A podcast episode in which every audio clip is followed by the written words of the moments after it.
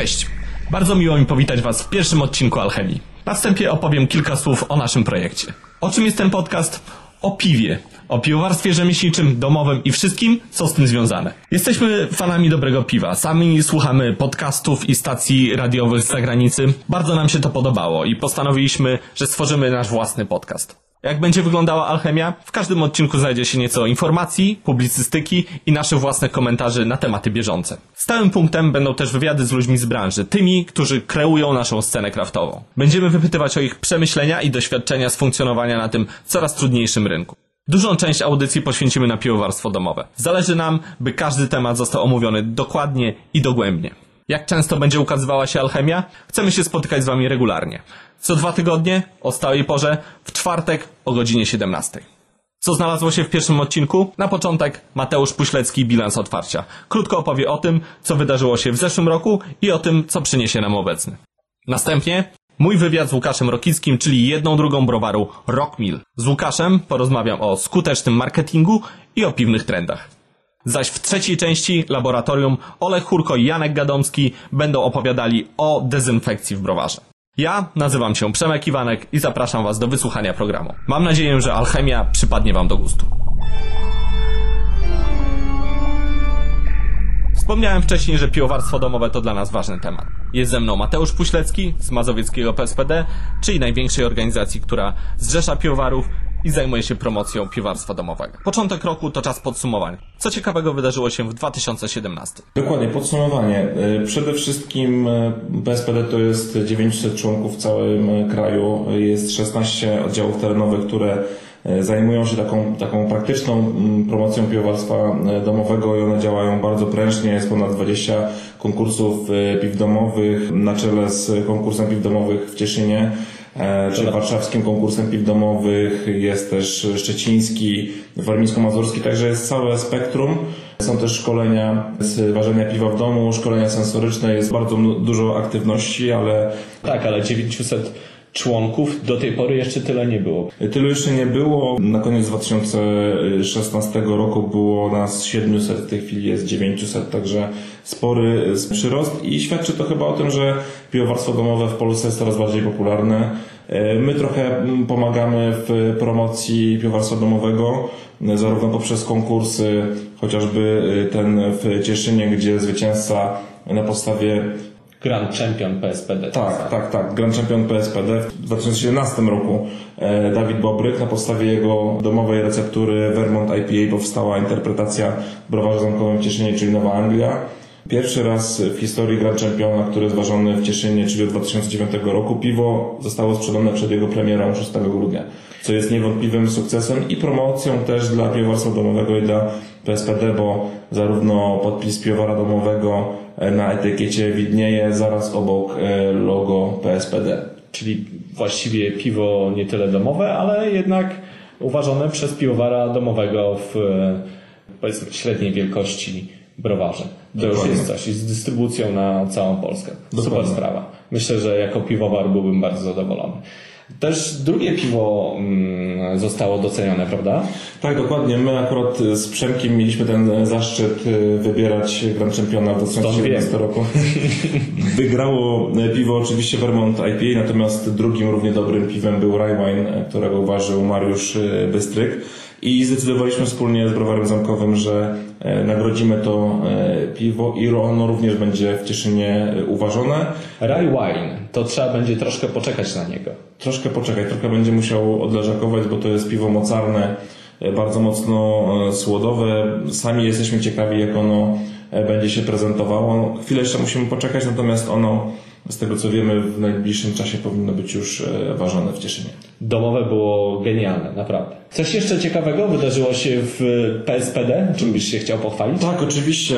Przede wszystkim promocja poprzez mm, zniżki czy bonifik- jakieś bonifikaty dla naszych członków. Członkowie otrzymują mm, piłowara, czyli nasz e, kwartalnik, który jest jedynym eksperckim, drukowanym mm, wydawnictwem na, wydawnictwem na rynku polskim. E, Dotyczącym piwowarstwa, prawda? Niczego takiego nie ma, żadnej fachowej literatury bardziej fachowej od piwowara w tym momencie.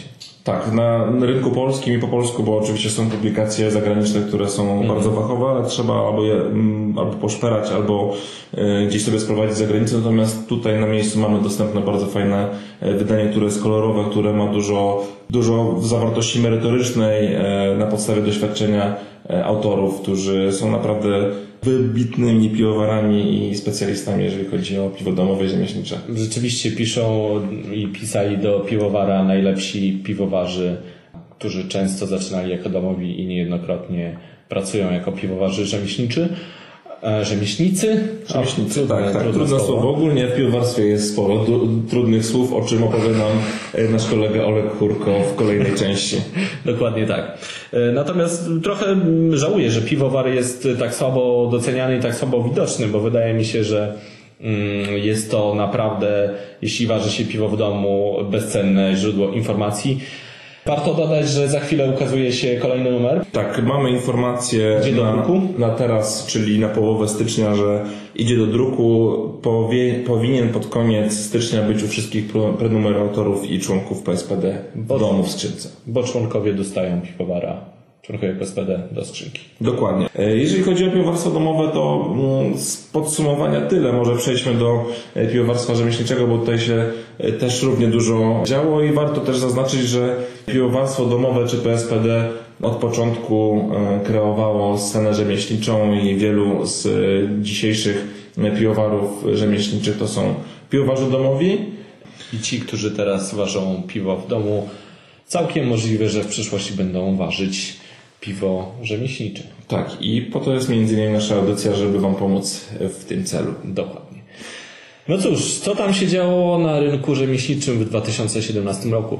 No właśnie, działo się bardzo dużo i z roku na rok dzieje się coraz więcej. Tutaj może posłużę się danymi, które przygotował bardzo fajny blog czy para blogerska, którzy się nazywają Piwna Zwrotnica. Ja jestem pod wrażeniem e, ich pracy. To już jest kolejny rok, kiedy publikują najbardziej kompetentne zestawienie na temat e, rynku piwa e, rzemieślniczego w Polsce i powiem szczerze, że myślę, że nie jedna fachowa instytucja statystyczna mogłaby im pozazdrościć skrupulatności. Także naprawdę jest to super sprawa.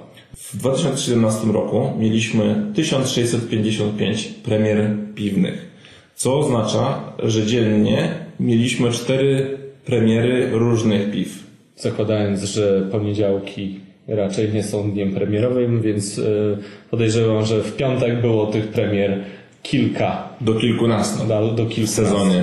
Niesamowita ilość. Wydaje mi się, że to pokazuje, jak szybko rośnie nasz e, rynek piw rzemieślniczych. Będę o tym jeszcze rozmaw- rozmawiał z naszym e, gościem. A propos tych 1655 premier, miesięcznie powstają 2 do 4 nowych browarów, co też jest niesamowitą liczbą i jest, to nie jest już trend, tylko to jest moda. W 2016 roku według Piwnej Zwrotnicy też powstawało około 2 do 3. Moda to niebezpieczne słowo, bo pokazuje, że jest coś przejściowe. No wiesz, w Stanach Zjednoczonych, czyli w kolebce piwnej rewolucji, e, rynek zatrzymał się na 12% udziału browarów rzemieślniczych. Myślę, że Polska będzie dobijała gdzieś do tych 10%. W tej chwili szacuje się, że mm, polskie browary rzemieślnicze mają udział w naszym rynku około 2 do 3%. Także tutaj jest jeszcze duże pole do popisu. Zobaczymy, jak to się będzie kształtowało. Na razie jest dosyć dynamicznie. Myślę, że przyjdzie jakiś e, okres stagnacji. Zresztą nawet dane piwnej zwrotnicy pokazują to, że e, są browary rzemieślnicze, które całkiem niedawno, jeszcze 2 czy 3 lata temu powstały, a w tej chwili nie ważą. Czyli coś tam nie, nie wypaliło. Czy model Bo- biznesowy, czy może złe podejście, e, może za słaby marketing. Ciężko to w tej chwili podsumować, ale są to realne problemy. Powiedzmy szczerze, nie jest to łatwy rynek. W tym momencie jest już dość nasycony i wejście staje się coraz trudniejsze. Jeśli jest 1655 premier, naprawdę trzeba się postarać, żeby zaistnieć w tym tłumie. Dokładnie. Natomiast tutaj warto zaznaczyć pewien paradoks, ponieważ, tak jak powiedziałeś Przemku, z jednej strony powstaje coraz więcej e, browarów i rynek jest nasycony i chociażby mm, takim em, młodym browarom jest dosyć ciężko się przebić i chociażby sprzedać kegi do, do multitapów, bo rynek jest bardzo nasycony. Właściciele mogą sobie przebierać w ofertach i tak naprawdę według własnego uznania niekoniecznie próbują, czy to jest dobry produkt, czy nie, e, dobierać sobie browary, które są akurat podpięte u nich na kranie. Ale z drugiej strony, i wracając jeszcze do tego paradoksu, e, browary jednocześnie poszukują e, bardzo mocno doświadczonych e, piwowarów, których na rynku zwyczajnie nie ma. Bardziej doświadczeni pracują już e, w browarach, czasami zmieniają e, miejsca pracy, ale jest to ograniczona liczba i nawet w PSPD mamy coraz więcej zapytań czy próśb o polecenie e, piwowarów z dużym doświadczeniem, z dużą wiedzą. I naprzeciwko temu wychodzą niektóre uczelnie w Polsce, które, które są w, chociażby w Krakowie czy we Wrocławiu, które zauważyły, że ten trend jest. Y, To, że nie ma żadnego kierunku w Polsce, które by, który by bardzo konkretnie kształcił piwowarów y, rzemieślniczych. Y, Powstały kierunki stacjonarne czy podyplomowe, które przekazują Kierunki zarówno- studiów. Kierunki studiów oczywiście na uczelniach, które przekazują wiedzę teoretyczną i praktyczną. Wydaje mi się, że piwowar to jest zawód z przyszłością. Dużo łatwiej wydaje mi się utrzymać się jako piwowar w tym momencie niż właściciel na przykład sklepu czy multitapu. Co warto jeszcze wspomnieć o trendach, jeżeli chodzi o 2017 rok w rzemiośle? Y, Przede wszystkim mm, widzimy, że niektóre browary odchodzą od y, mm, prześcigania się w coraz bardziej wymyślnych stylach, w hybrydach, w piwach mocno chmielonych. Niektóre z y, mniejszych browarów postawiły też na style klasyczne, na stauty, na chociażby Weizenboki, na lagery, co jak wiemy nie jest e, prostą sprawą. Weizenbock. Po prostu kręcę głową na Weizenbocka. No, nie wszyscy lubią, ale na pewno słuchają nas koledzy, którzy są wielkimi fanami i, i z by e, takiego reprezentanta stylu spróbowali. Taka ikonka przykro mi z taką łezką. Więc to jest fajna, fajna sprawa, że e, browary trochę po tym zachłyśnięciu się przez girgi, birgików Kirbików. Więc jest to fajna sprawa, że browary po e, zachłyśnięciu się przez e, birgików e, tymi e, stylami bardzo mocnymi i nachmielonymi sięgają po klasyczne e, style. Nie jest, nie jest to duża ilość, ale jest to, mm, to zauważalna ilość na scenie rzemieślniczej. IPA oczywiście nie zniknie, ale rzeczywiście chociażby e, w browarze moje, mojego kolejnego gościa ostatnio ukazał się koźlak, wyobraź sobie. No proszę, czyli e, browary, które mają duże sukcesy na e, polu amerykańskich stylów, jednak sięgają po klasykę. Również. No właśnie. Co do klasyki i co do innych stylów, no w 2017 roku na pewno prym wiodły dalej Vermonty, Vermont IPA, których było bardzo dużo. To samo dotyczy Milkshake IPA. Tutaj mm, taka ciekawa anegdota, bo z okazji wybierania stylów na warszawski konkurs piw domowych 2018 zrobiliśmy na naszym Facebooku taką małą sondę, gdzie daliśmy parę dwóch piw. Jednym był Milkshake IPA, drugim był, była Black IPA. Sonda była bodajże w listopadzie i zgadnij Przemku, który styl wygrał. Black IPA? No właśnie, Black IPA. Wszyscy się, przynajmniej organizatorzy spodziewali się, że będzie to Milkshake IPA, natomiast prawdopodobnie przesycenie tym stylem w wakacje, gdzie było bardzo dużo interpretacji, e, zmęczyło konsumentów i, i piwowarów domowych i po prostu na razie nie chcą tego pić i, i ważyć. Zobaczymy, jak będzie w wakacje w 2018 roku. A ja sądzę, że to dlatego, że jedna trzecia populacji ma nietolerancję laktozy. No, być może, być może. Warto także wspomnieć o e, piwach mocnych, ciemnych, leżakowanych w beczkach. I to już nie tylko w beczkach po e, whisky czy bourbonie, ale także po rumie, czy po calvadosie, czy, czy po winie. To jest bardzo fajny, już nawet nie trend, ale można powiedzieć też, że moda, coraz więcej browarów, nawet e, małych, kupuje beczki i przelewa tam swoje piwa. Bardzo leżakując je- pomysł moim zdaniem. Mi się to podoba. Ja bym chciał, żeby w polskich browarach było tak jak, jak belgijskich e, ważących lambiki, czyli jak się schodzi do piwnicy, to masz tam całe długie rzędy drewnianych beczek. Bardzo mi się to marzy. Super pomysł. Dziękuję Ci bardzo Mateuszu. Czy jeszcze coś byś chciał dodać? To wszystko z mojej strony. Wszystko z Twojej strony. Super, w takim razie pora, żeby przejść dalej do kolejnej części, czyli wywiad z współwłaścicielem, współzałożycielem browaru kontraktowego, który również zaistniał po raz pierwszy w 2017 roku, Łukasz Rokicki Rockmill.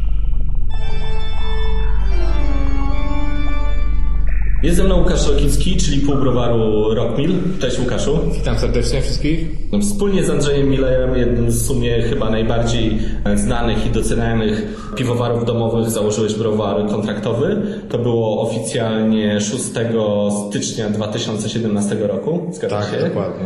Więc działacie już od roku. W tym czasie, jak podaje piwna zwrotnica, powstało 51 nowych browarów i 1655 premier piwa. Całkiem sporo. O, całkiem sporo. To jest wynik, pamiętam jak rozpoczynała się piwna rewolucja w Polsce, e, wynik 100 piw. Zawrót głowy e, można było dostać, a w tym momencie 1600 premier. No właśnie. Liczba zatrważająca po prostu. Wy w tym czasie, w tym 2017 roku, ważyliście ponad 20 piw, podbiliście internet, ludzie was kochają. Mm, Chyba nie ma osoby, która właściwie interesowałaby się piwem i nie znała browaru Rockmill. Macie wręcz swoich fanów. Na oceniarkach macie dziesiątki tysięcy wejść, większość naprawdę pozytywnych. Macie w swoim dosie piwa, które właściwie nie tylko są doskonałe i nie, i nie tylko są wyznacznikiem stylu, ale właściwie ten styl wykreowały w Polsce, jak Juicy Delight, prawda? Macie e, na swoim koncie cztery nagrody na KPD, w tym jedno złoto za Mavericka, którego bardzo lubię, mój ulubiony. Macie zaliczone w 2017 roku najważniejsze polskie festiwale, też kilka za granicą. E, Sprzedajecie piwo od Kopenhagi po Barcelonę. Tak. Jesteście w sumie chyba najgorętszym debiutem roku. Ja mam takie jedno pytanie, jak byście to do cholery zrobili? Wiesz co? E, Dużo osób się pyta nas, e, jak my to zrobiliśmy. Wiesz co? To wszystko się zaczęło od pewnego wieczoru na warszawskim festiwalu piwa, tak? Gdzie z Andrzejem staliśmy już w ostatni dzień i Andrzej powiedział taką jedną rzecz, że fajnie by było kiedyś przedstawić takie nasze piwa domowe w większej ilości osób, ale już jakby uważane na większą skalę. I, I wtedy ja powiedziałem, że no to wiesz co, spróbujmy, tak? Andrzej mówi, przyjedź, zobaczymy, tak? E, Jak to wszystko się potoczy. Ja mu przedstawiłem wizję browaru, bo nie ukrywajmy, że ja też jakby e, wcześniej miałem wizję jakąś browaru kontraktowego, tak? Aby taki browar powstał i, i ale nie chciałem tego robić sam, tak? Chciałem mieć osobę drugą, która też się zna na piwie, tak? Będzie mogła ze mną tą pasję jakby e, przelewać na, na, na, na piwo rzemieślnicze. No i, i powiem Ci, że po pierwszych rozmowach no, kliknęło, tak? Chcieliśmy robić to samo. E, Od razu wiedzieliście, że chcecie być najlepsi. Wiesz co, my chcieliśmy być najlepsi, ale tym priorytetem było robienie jak najlepszych piw. I tutaj jakby Andrzej, że jest profes, takim profesjonalistą i perfekcjonistą w tym, co robi, tak? W ważeniach piw domowych na przykład, tak, ale także przy ważeniu na dużych garach. Wiedzieliśmy, że mm, to będzie klucz do sukcesu, tak?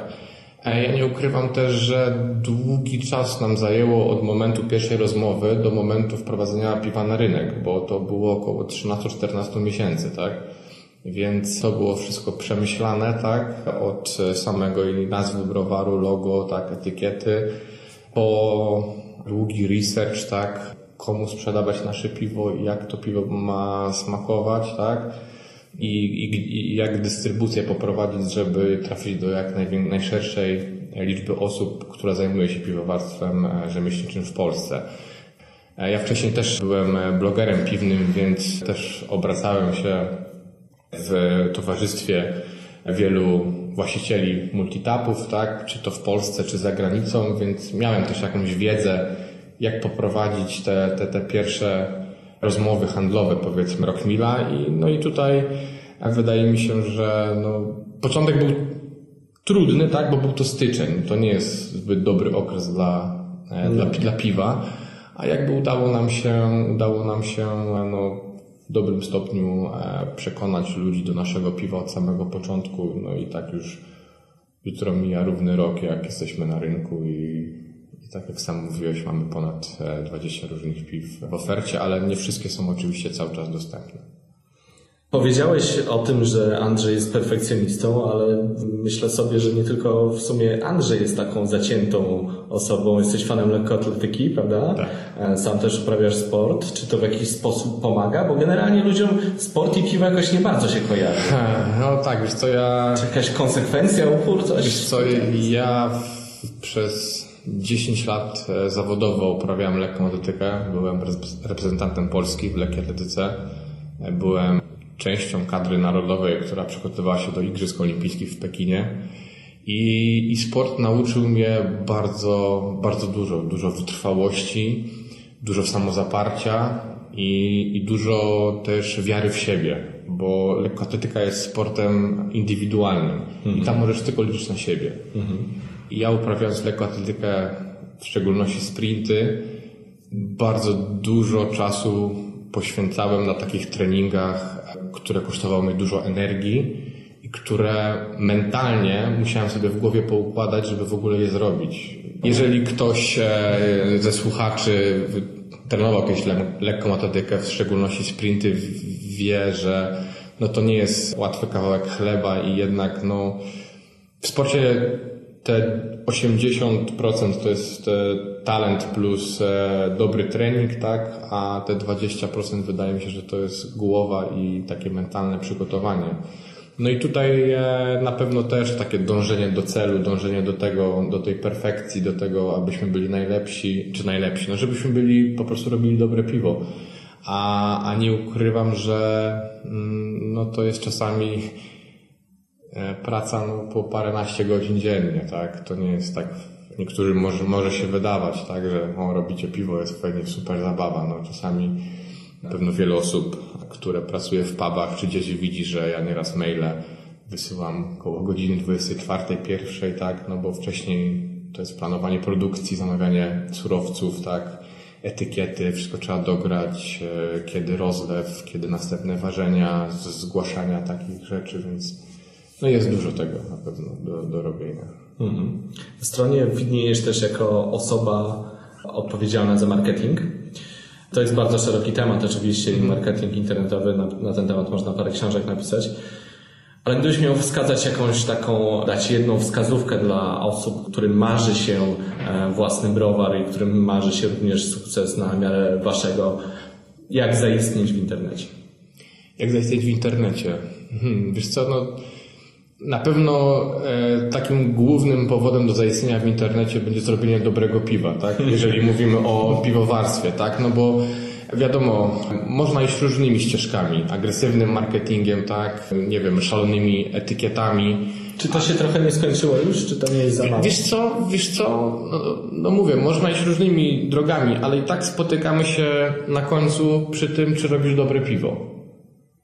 Na pewno e, ważna jest cała otoczka, tak? Jak wyglądają etykiety, w jaki sposób prezentujesz swoje produkty na stronie internetowej, nie wiem, jak, jak wrzucasz zdjęcia, tak? Ale zawsze dla klienta końcowego, tak, będzie najważniejsze piwo. I, mhm. o tym, I o tym osoby, które będą chciały zakładać browary kontraktowe, mi się wydaje, powinny pamiętać po pierwszej kolejności, tak? Bo możemy uważać pierwszą barkę, drugą, tak? My w tym momencie mamy ponad 50 warek już na koncie. Ta liczba cały czas z miesiąca na miesiąc rośnie, no i, i tak jak właśnie niektórzy z naszych klientów mówią, że trzymamy poziom, tak? A to jest e, naprawdę ciężka, ciężka praca, tak? Ale praca satysfakcjonująca nas. No i mam nadzieję naszych klientów, którzy sięgają po nasze produkty i, mhm. i doceniają tą ciężką pracę. No tak, ale mówisz o pracy, o dobrych piwach. Na pewno nie brakuje też w Polsce browarów, które ważą naprawdę dobre piwa, mhm. a które nie zaistniały.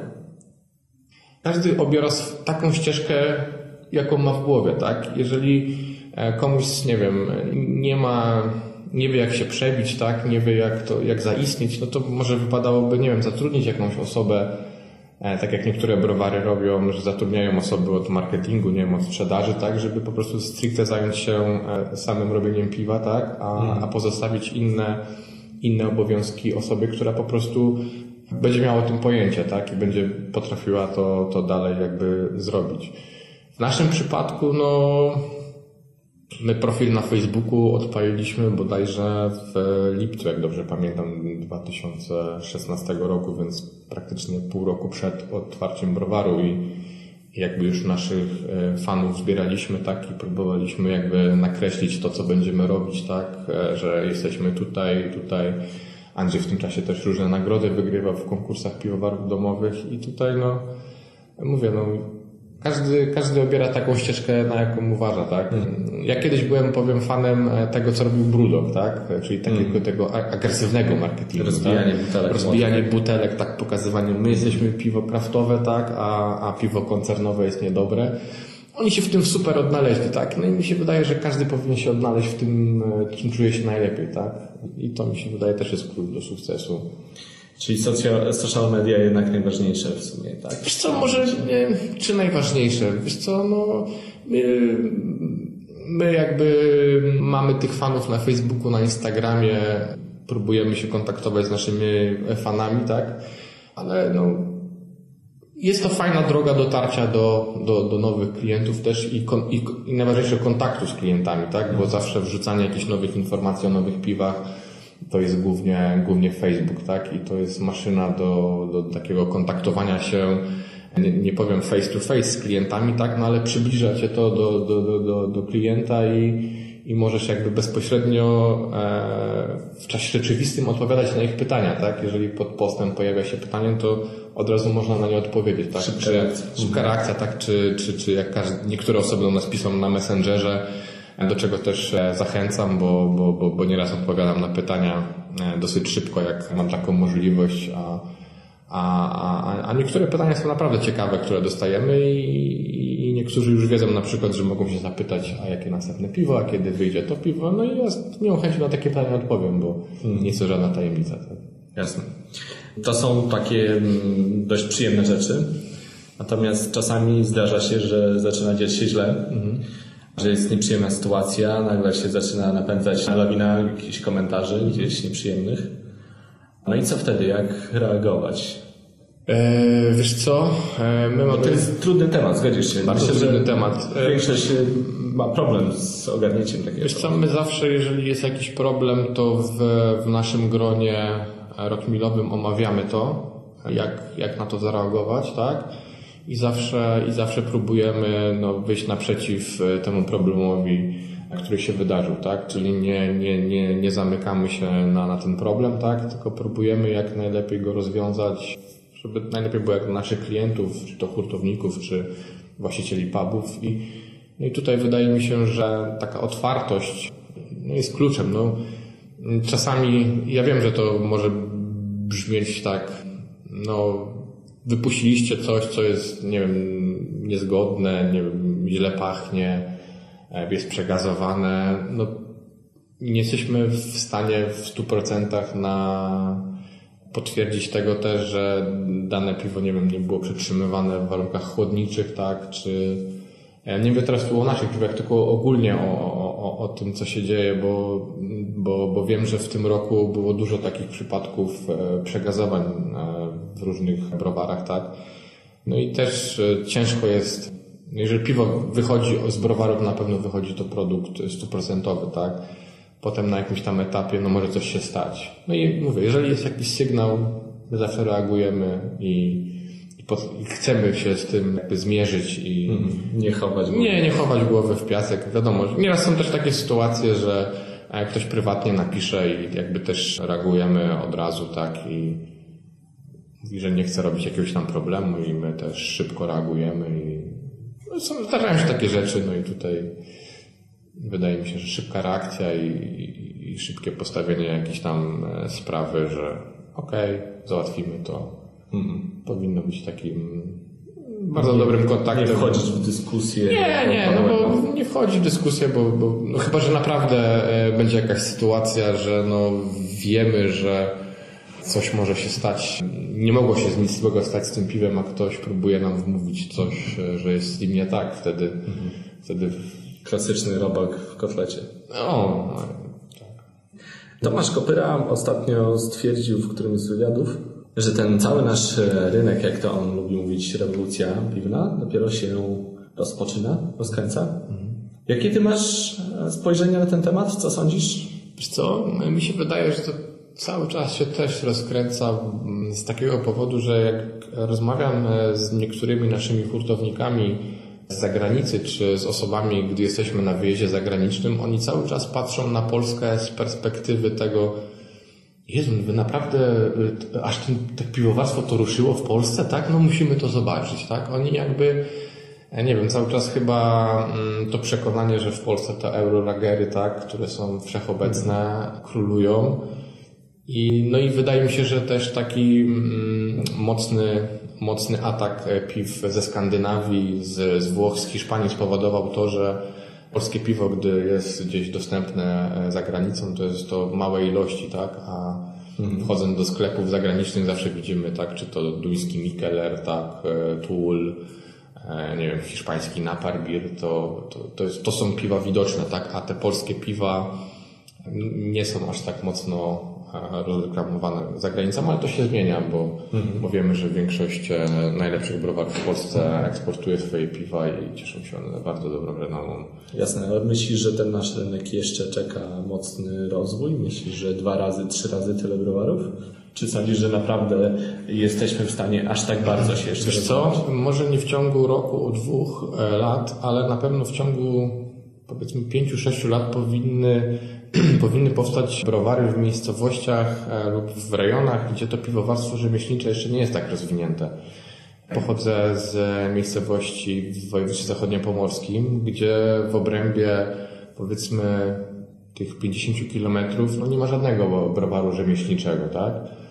W ogóle w Zachodniopomorskiem, e, oprócz Szczecina, w którym są browary restauracyjne, tak, no nie ma, nie ma żadnego e, browaru stacjonarnego. I tutaj, i tutaj mi się wydaje, że jest takie, są takie miejsca na mapie Polski, gdzie tych e, browarów powinno powstawać więcej. Chyba w Opolskim jakoś tak słabo. Yy, tak, i, i wydaje mi się też, że w Świętokrzyskim. Tak, a może też Świętokrzyskie. I, i- no i są takie miejsca na mapie, gdzie wiadomo, są duże skupiska, tak? Warszawa, Poznań, Wrocław, Kraków, tak? Te duże miasta, które no już powoli mi się wydaje nasycają się tymi multitapami i tymi sklepami. I tutaj no e, ja też jakby podzielam e, to, co mówił Grzegorz Zwierzyna z Pinty e, w wywiadzie chyba dla, dla docenta, który mówił, że mm, sklepy specjalistyczne będą miały problem, gdyż no większość piw będzie sprzedawana do marketów, tak? No bo nie ukrywajmy, świat poszedł tak do przodu, że ludzie teraz e, większość czasu spędzają w centrach handlowych, tak? E, W sklepach. Wiadomo, jest e, grupa ludzi, tak? Tak jak my, zajarana piwem rzemieślniczym, które i tak będą chodziły do sklepów specjalistycznych, ale mi się wydaje, że te sklepy będą właśnie w dużych aglomeracjach, tak?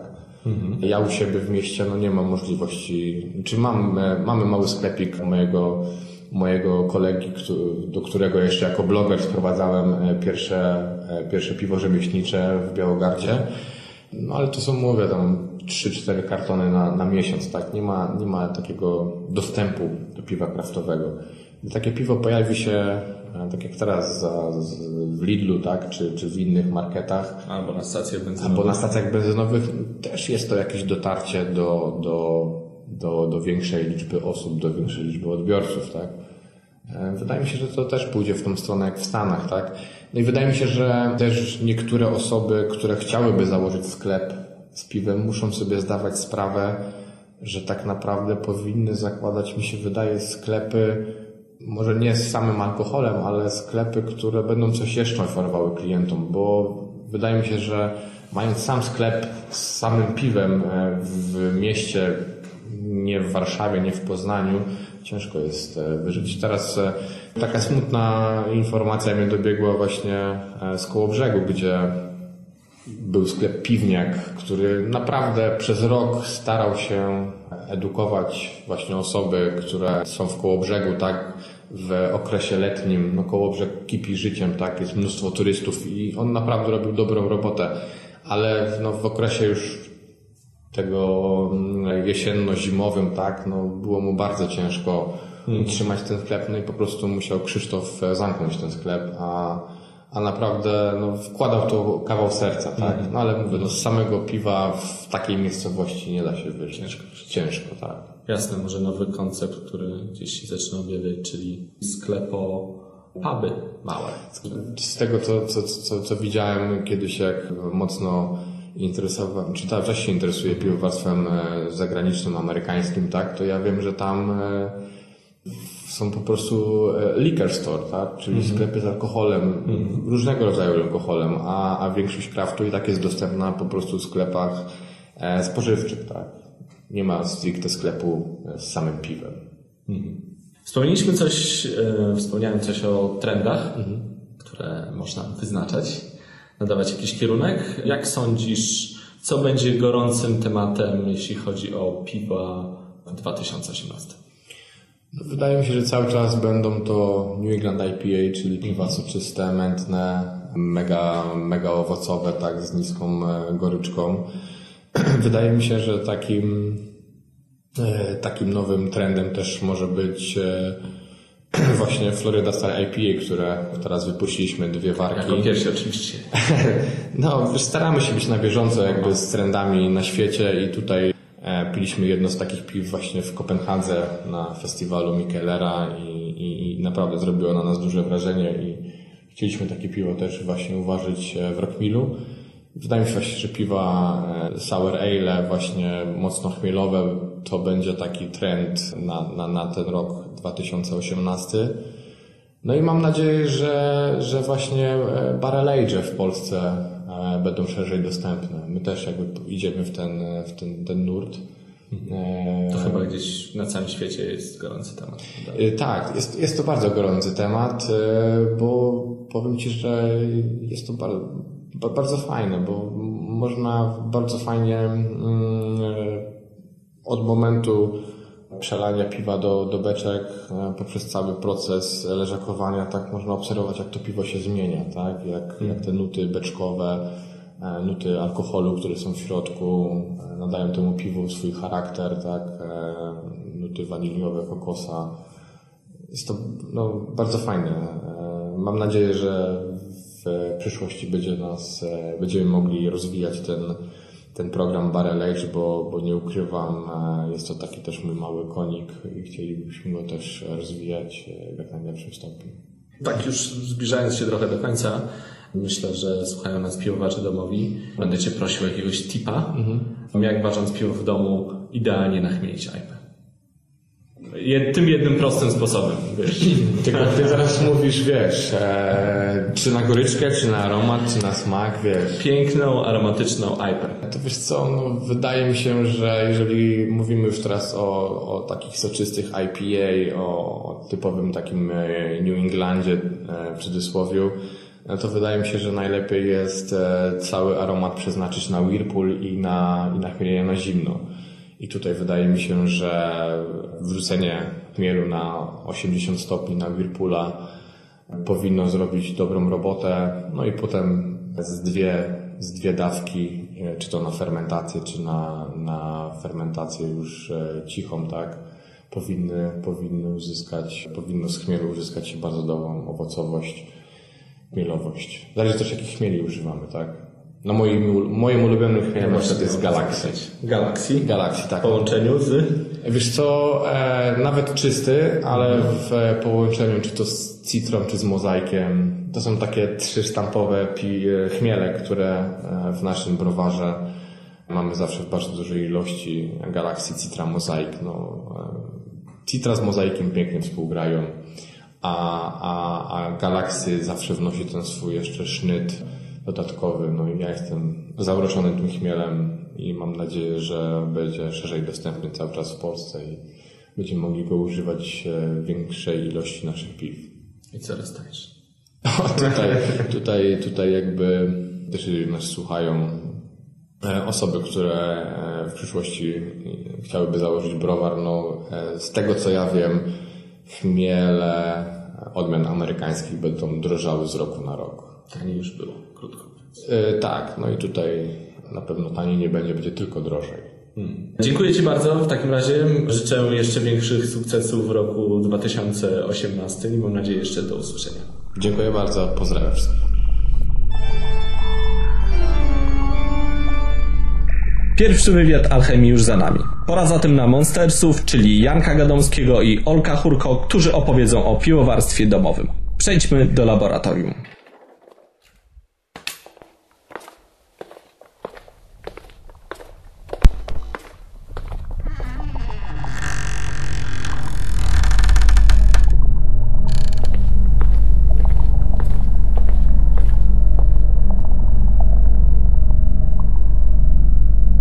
Cześć, witamy Was w naszym laboratorium. Z tej strony Olek i Janek z browaru Monsters. Cześć.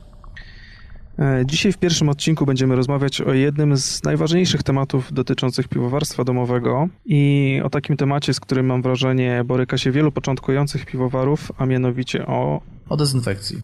I może na początku, bo mnie osobiście e, jest taka rzecz, która mnie no, jest wkurzająca momentami, to, że w internecie niektórzy naprzemiennie używają określeń dezynfekcja i sterylizacja. No tak, e, choć mi wydaje się, e, to nie jest jakieś duże zagrożenie. Z perspektywy piwowara to nazewnictwo nie ma chyba większego znaczenia. Rzeczywiście ludzie, my, ludzie mylą, ale w moim odczuciu to nie jest jakiś rażący błąd. Przed nagraniem zrobiłem sobie taki research, z którego wynika, że różnica między e, dezynfekcją a sterylizacją właściwie różni się tylko tym, że e, dezynfekcja zabija wszystkie mikroorganizmy oprócz przetrwalników. Dobrze to rozumiem? E, tak, tak. Sterylizacja właśnie zabija wszystko, co może być żywe na, na powierzchni jakiejś, a, a dezynfekcja zabija tylko te, te mikroorganizmy, które nie są w formie przetrwalników. Okej, ale czy, czy dla piwowara domowego ma to w ogóle jakieś znaczenie? Bo z tego co mówisz, wydaje mi się, że zarówno sprzęt zdezynfekowany, jak i wysterylizowany nadaje się do użycia. Tak, ale to też zależy mm, tutaj o, czym mówimy, prawda? Bo jeżeli to jest jakiś piwowar początkujący, który właściwie tylko waży piwo, to tutaj może dezynfekcja jest w zupełności wystarczająca, ale jeżeli już zaczynasz robić skosy i zaczynasz bardziej zaawansowane działania, to tam już musi być e, wszystko wysterylizowane. Okej, czyli przy, przy zaawansowanych jakichś e, operacjach e, musimy wysterylizować sprzęt, ale zazwyczaj dezynfekujemy, tak? Tak, to jest 99% tego, e, z czym piwowar domowy ma do czynienia na co dzień w swojej pracy, że tak powiem. Dobra, czyli dzisiaj będziemy głównie rozmawiać o dezynfekcji, ale zanim dojdziemy do dezynfekcji, to najpierw trzeba sprzęt umyć.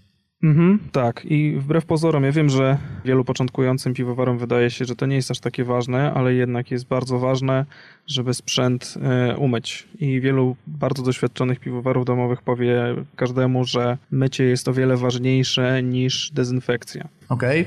E, Gdybym ja miał sobie wyobrazić albo wytłumaczyć komuś, dlaczego e, nieumyty sprzęt jest taki groźny, to wydaje mi się, że mm, na fermentorach często są jakieś skupiska brudu, jakieś plamy, osady po drożdżach, w których żyje pewnie dużo niekoniecznie potrzebnych nam organizmów, do których dezynfekant może nie dotrzeć, tak? Mhm, mhm. Tak. Tak, tak. Chodzi po prostu o to, że one tam mogą sobie znaleźć gniazdko, w którym sobie będą siedzieć i, i ten dezynfekant po prostu nie, nie jest w stanie tam dotrzeć i w czasie, w, w którym dezynfekujemy, usunąć tych bakterii czy dzikich drożdży. Ja sobie to zawsze wizualizuję w ten sposób. E, Jak wrzucasz chmiel do brzeczki w woreczku, na przykład muślinowym, to zdarza się tak, że po wyjęciu tego woreczka chmiel zbił się w taką jedną dużą bryłę, taką grudę.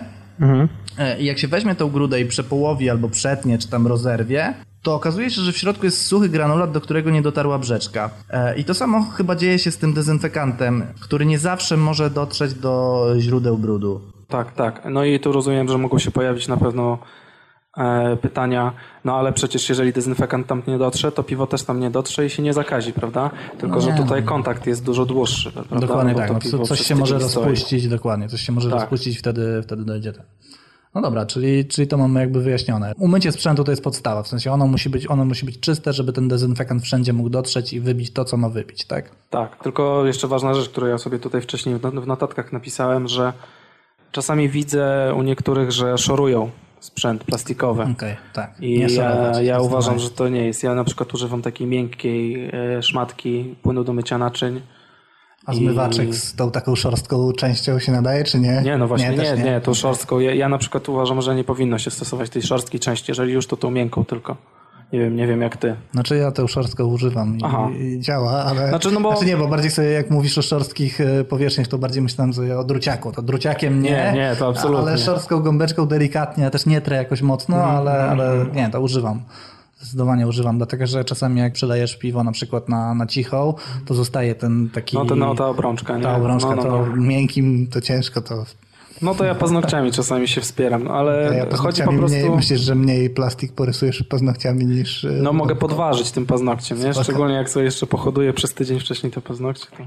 My cię już mamy teraz wyjaśnione. Tak, mamy, mamy chyba, jesteśmy po myciu już. Eee, więc możemy właściwie przejść do tej, do tej części. Jak to robić, jak dezynfekować. Tak, tak. A może jeszcze, wiesz co, tak No. sobie myślę, może powiemy o myciu, czym myć tak naprawdę, bo miało być o dezynfekcji, ale w sumie o myciu też możemy sobie No to powiedzieć. powiedz, czym ty myjesz, bo Ja nie myję płynem do zmycia naczyń. No, no ja też, no właściwie, chociaż czasami jak mi resztki zostają jakiegoś oksji gdzieś, to też czasami sobie pomagam tym, bo on trochę zmiękcza jednak niektóre rzeczy przez to, że, że musuje jak, jak ten. Że... Ja gorącą wodą zazwyczaj polewam, jak coś mi nie chce zejść, to na przykład wrzątkiem poleję, to też wtedy mocno zmiękcza. Na przykład właśnie ten, tą obrączkę z drożdży, jak czasami ona nie chce zejść, to zdarza mi się polać to wrzątkiem.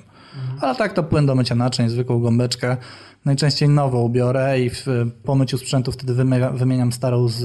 A, z Tak, odzmywania żeby- naczyń. No bo ta od zmywania naczyń raczej jest taka zasyfiona dość mocno, tak mi się przynajmniej No wydaje. tak, no, nie. Tam żyje pewnie sporo No, to na pewno, to na pewno. To znaczy ja na przykład mam po prostu specjalną do tego przeznaczoną szmatkę, którą sobie specjalnie kupiłem, w specjalnym miejscu w mojej szafeczce leży i, i mam wrażenie, że to jest najwygodniejsze, przynajmniej dla Nie, mnie. no okej, może być. Znaczy ja miałbym problem, żeby utrzymać tą gąbeczkę w czystości tak długo i trzymać ją w tym jednym, Znaczy z jedynym gąbką miejscu. mam wrażenie, że też jest problem, że trudniej jest ją wysuszyć, nie? Aha, okej, w ten sposób. Znaczy wiesz co, no u mnie po prostu y, dzień przelewania na cicho to jest dzień wymiany gąbeczki w kuchni. aha, okej. Dobra, czym jeszcze można myć? Można czymś myć jeszcze takim Tak, no jest PBW na przykład, nie? O, nie E, Powdered. Brewery Wash to się nazywa. Taki amerykański środek, to jest chyba taka sama, ta sama firma produkuje, która robi Starsan. I mam wrażenie, że tam to jest głównie właśnie oparte na nadwęglanie sodu. W Polsce jest mega drogie, nikt właściwie z tego nie korzysta, ale Dobra, to- w Stanach lubią. Widzisz, ja, ja, ja słyszę już y, nadwęglan sodu i od razu szukam w pamięci, co to jest. To jest oksy, tak? Oksy, Dobrze tak, tak. dobra. No dobra, to z tego nie korzystałem. e, Nie słyszałem też, żeby ktoś u nas w Polsce z tego korzystał. Być może w Stanach to jest popularne, a u nas chyba... Kiedyś w jednym ze sklepów widziałem, ale mam wrażenie, że tak było małe branie, bo to jest mega drogie w stosunku do tego, ile musisz tego użyć. No dobra, to co, dezynfekcja teraz, tak? Podzieliliśmy sobie ten dział tak, że mamy wypisanych kilka środków i po kolei je omówimy. I jako pierwszy mamy Oxy. Ja Oxy używałem przez pierwszych 40 warek i A ile masz teraz już na koncie, żeby wszyscy wiedzieli? 100, ponad 150. No, ponad Czyli to 150. jest y, jedna, no ćwierć Czwarta, powiedzmy. No, no, liczmy jedna czwarta, tak. To powiedz Olku, jak on działa w takim razie. No tak, ja tu się wcześniej przygotowałem i muszę jeszcze zabłysnąć przy okazji. E, Nadwęglan sodu. Tutaj tak, tak, to, Więc, nadwęglan, więc to jest nadwęglan sodu, który jest właściwie wodą utlenioną w proszku, można powiedzieć, ponieważ jak do ciepłej wody się wrzuci to oksy, to ono reaguje z wodą i wydziela się wtedy na tlenek wodoru, czyli woda utleniona, która z kolei rozkłada się w podwyższonej temperaturze na wodę i tlen, no a ten tlen utlenia te wszystkie mikroorganizmy, które się znajdują, czyli to tak w dużym uproszczeniu działa trochę jak woda utleniona, tylko taka trochę bardziej stężona niż ta, która jest w aptece, bo tam to w aptece ma 3%. Tutaj na pewno to stężenie będzie dużo wyższe. No i przy okazji tego tlenu się bardzo dużo wydziela. On wypełnia gro objętości mm, naczynia, w którym go przygotowujemy, prawda? Dobra, powiedziałeś, to ja się skupiam jak zwykle na praktycznych rzeczach. Powiedziałeś, że jak się go rozpuści w ciepłej wodzie. Zaleca się używanie go w, do, w ciepłej wodzie, nawet pewnie, znaczy ja używam w gorącej. Ja zwykle wrzątku, wrzątek wlewam do, do fermentora, on wtedy się zdąży schłodzić do tych 95 stopni i wtedy wrzucam to oksy. Czyli właściwie prawie do wrzątku, tak? Tak, tak. Dobra, a czy ma znaczenie to, czy się wsypie e, oksy do cieczy, czy można ciecz wydać na oksy? Można, to nie, Można, ma, że nie to nie ma żadnego znaczenia. Trzeba tylko po prostu pamiętać, żeby odmierzyć odpowiednią ilość, tak? Okej. Czyli w gorącej wodzie albo w bardzo gorącej wodzie. Dla mnie gorąca woda to jest 50 stopni. E, No, to dla mnie to by była raczej ciepła woda, ale myślę, że 50 to jest odpowiedni e, moment startowy. gdzie, kiedy można używać, zacząć używać. E, Dobra, i na co trzeba uważać przy Oxy? No, mi się zdarzyło chyba nawet kilka razy. Takie, no, może być to nieprzyjemne, zwłaszcza jeżeli takiej ciepłej wody się używa. No bo żeby wytrząść na przykład wiadro, nie? Fermentor. Dobra, poczekaj, to zanim, no, bo wiem do czego zmierzasz, zanim do tego dojdziesz, to, to może jak używamy tego Oxy?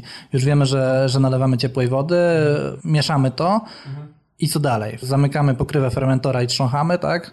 No ja tak robię. bierzesz. Znaczy czekam jest- aż trochę to ostygnie jeszcze, bo im wyższa temperatura, tym ta reakcja wydzielania się tlenu jest gwałtowniejsza. No i parę razy mi wywaliło po prostu wieko. Pokrywę. Okej, Czy W sensie nie podważałeś go, tylko od razu samo wywaliło, tak? Znaczy, to jest tak, że jak się założy i się tego nie rusza, to nic się nie dzieje. Ale jak potrząśniesz tylko lekko albo przechylisz nawet to wiadro, to już ona puchnie dosyć mocno ta pokrywa i czasami jest nawet ciężko zdjąć, szczególnie z małych wiaderek, z których ja korzystam. Czyli dobrze jest to robić na przykład z pokrywką, jak jeżeli dezynfekujemy fermentor, to dobrze jest to robić na przykład e, wiekiem z dziurką i po prostu zakrywać na chwilę i upuszczać. e, Tak, tylko upuszczać. trzeba też pamiętać, żeby paluchów sobie nie poparzyć, bo ja też poparzyłem sobie palce w ten sposób, prawda? No bo ta Okej, woda od jest wody, bardzo od gorącej gorąca. wody, dobra, od gorącej wody sobie paluchy można, spoko. Ale można trząść tak, żeby się wychlapywało w sumie, bo to tam jakoś dużo to przez tą otwór na rurkę fermentacyjną nie uleci, więc No tak, tak. to powiedzieliśmy o dezynfekowaniu e, fermentorów, a da się butelki oksy dezynfekować? Tak, no zwłaszcza jeżeli się ma tu taką pompkę śmieszną, dostępną w, chyba we wszystkich sklepach Czyli piwowarskich. nalewamy do pompki i po prostu... Tak, albo można nawet nalać do butelki i wytrząsać. Ja tak na początku przez pierwsze kilka warek No, ja też robiłem, tak że robiłem. palcem po prostu zatykałem butelkę, wytrząsałem, przelewałem do drugiej butelki. Przez lejek. Ja to przez, Przez lejek, lejek, robiłem. tak, No, to ja tak, też tak, tak. robiłem przez pierwsze kilka warek. Później sobie kupiłem pompkę i nagle życie stało się łatwiejsze. No i no, ja na, mi się na przykład zdarzyło kilka razy dywan zalać, także... No nie, tak chyba aż takich Bo jak, jak kopnąłem na przykład butelkę, w której stał ten, to stało to oksy, no to to, to, No to nie, nie to, było widzisz, fajne. to ja wcale. trzymam butelki w skrzynce, to takich, takich A, takiego ryzyka nie no. ma. No tak, no ale wiesz, to to była są bogata. trzecia czy czwarta warka, także... To nie pamiętam aż tak. Ja jeszcze na pewno robiłem, nie pamiętam czy to było z Oxy, ale wydaje mi się, że z Oxy też, że wylewałem to do takiego opakowania po sprayu i wtryskiwałem to też do butelki. I później do góry Tylko właśnie tutaj ja miałbym chyba zastrzeżenie co do tego. Wydaje mi się, że. Znaczy, bo mam wrażenie, że po tym, co powiedziałeś, to część ludzi może pomyśleć sobie, że a, przygotuję dwa tygodnie wcześniej ten roztwór i już będę miał gotowy, nie? A to jest tak, że natlenek wodoru ogólnie jest bardzo nietrwały i on będzie się nawet w czasie, nawet w temperaturze pokojowej rozkładał do wody i tlenu samoczynnie i ten roztwór szybko straci swoje właściwości. On powinien zostać, być używany na świeżo. Więc jeżeli nawet e, rozprysk, chcesz rozpryskiwać, to przygotowuj sobie ten... ten, ten Tuż przed użyciem, tak? I jak już go zużyjemy jakby i zostanie nam trochę, to lepiej go wylać i nie trzymać, bo, bo, bo raczej nie będzie działał. Tak, zwłaszcza, że jest w miarę tani. A rurki fermentacyjne, y, jakieś wężyki można w Oxy? Mhm. Ja tak robiłem na początku, tak. Okej, przepływowo na przykład wężyki można po prostu spuścić z jednego wiaderka do drugiego i też przepływowo je zdezynfekować. Spoko, drogi jest Oxy? No i właśnie tutaj do ciekawej rzeczy mm, przechodzimy, ponieważ e, okazuje się, że Oxy można kupić właściwie w większości hipermarketów. Mimo, że one są dostępne w sklepach dla piwowarów, to, to dla piwowarów domowych, tak, to można go też spokojnie kupić w e, hipermarkecie. To jest e, środek wybielający. Tylko trzeba zwrócić uwagę na... Na skład na pewno trzeba zwrócić Tak. uwagę, żeby to był... Tak, bo czasami tam są dodane też wybielacze optyczne, których nie chcemy. Bo to ma być... jaki powinien być skład? Powinien być po prostu... Powinno być napisane po prostu, że więcej niż 30% nadwęglan sodu i nic poza tym. Jak rozumiem, w supermarketach są dużo tańsze, no nie? Tak, ja kupuję w y, pewnym y, hipermarkecie z ptaszkiem w logo. E, e, I on kosztuje chyba 7 zł za pół kilograma. A ile się go używa? Ja, ja na łyżeczki tego używam, bo- kiedyś przeczytałem, że łyżeczka to jest mniej więcej 4 gramy, a, a takie jest dozowanie. Znaczy, 4 gramy na litr. 4 tak? gramy na litr, tak. Tylko, że trzeba pamię- pamiętać, że to jest dawka, która pozwala używać go bez spłukiwania. Można oczywiście więcej, tylko trzeba potem go płukać, co trochę moim zdaniem zaprzecza mm, zasadności jego użycia. No tak, no bo woda też może być w jakiś sposób... E, Zwłaszcza z instalacji, prawda, z, z wodociągów. Może się zdarzyć tak, że jest i że e, później w procesie, jak na przykład mamy zakażenie i zastanawiamy się, w którym momencie popełniliśmy błąd, to może się okazać, że to było na przykład pukanie fermentora po Tak. oxy. Może Myślę, się że tak. zdarzyć, Myślę, W że tak. Coś, o czym ktoś nie, może nie pomyśleć w ogóle. Czyli dobrze byłoby po prostu tego oxy nie spłukiwać jako tako, Znaczy, użyć po go w prostu takiej używać w takim stężeniu, jak, jak, jak jest y, zalecany, czyli ta łyżeczka na litr. Dobra, to oxy chyba wszystko. Następne w kolejce mamy Starsan. I Tak, tu, tutaj już wiem Starsan, trochę y, więcej. Super sprawa. Dlaczego super sprawa właściwie? Ja mam No powiedzieć. możesz powiedzieć, jako wiesz, ty jest praktyk. Nie no, super sprawa jest taka, że, że to jest środek, który bardzo mocno się pieni i ja tutaj widzę jego zaletę, dlatego że jak się pieni, to zwiększa swoją objętość i jest go jakby więcej, a ta piana cały czas dezynfekuje też e, nam sprzęt. Ja robię tak, że po prostu go rozcieńczam w wodzie, daję odpowiednią dawkę, wytrząsam go w fermentorze i wrzucam wszystko, czego używam e, w danym procesie dezynfekcji. Wszystko wrzucam do tego roztworu, tam zostawiam go na 5 minut, czy tam na 10. Czasami jak nie wiem, jak wężyk potrzebuje za 20 minut, to przelewam to do drugiego wiadra i on się tam cały czas moczy. Więc z praktycznego punktu widzenia dla mnie to jest super sprawa, bo, bo nie muszę używać niczego innego. Właściwie robię ten roztwór, wszystko w nim moczę i, i koniec, tak? Dlatego no. jest wydajny, no, bo jest tani. Znaczy tani nie jest jako... To może za Tani chwilę, perwarka po prostu, tak? Tani perwarka zdecydowanie, no. No dobra, ale bo ja bo trochę się rozgadałem w sumie niepotrzebnie, a po, powiedz o co chodzi. Znaczy ja w właściwie. sumie tylko chciałem jeszcze o tej pianie wspom- wspomnieć, bo to jest właśnie bardzo fajne to, że on się pieni. Ja wiem, że mnie na początku też to odstraszało, ale potem się okazało, że to jest super sprawa. I to widać szczególnie jak się ogląda Amerykanów, którzy używają tego Starsana, że ta piana im za- zatyka wyloty, bo oni używają tych fermentorów z wąskimi szyjami. Ta piana zatyka tak naprawdę i każdy pył, który może wpaść do środka jest zatrzymywany na tej pianie i natychmiast dezynfekowany. I to jest super sprawa moim zdaniem. Dobra, a, bo, bo zaczęliśmy mówić o, o praktycznych aspektach tego Starsana. O Oxy powiedziałeś tak ładnie, co to jest, to, to teraz dawaj o No Starsanie. dobrze, więc Starsan to jest dwuskładnikowy środek i e, tam środkiem dezynfekującym jest środek powierzchniowo-czynny.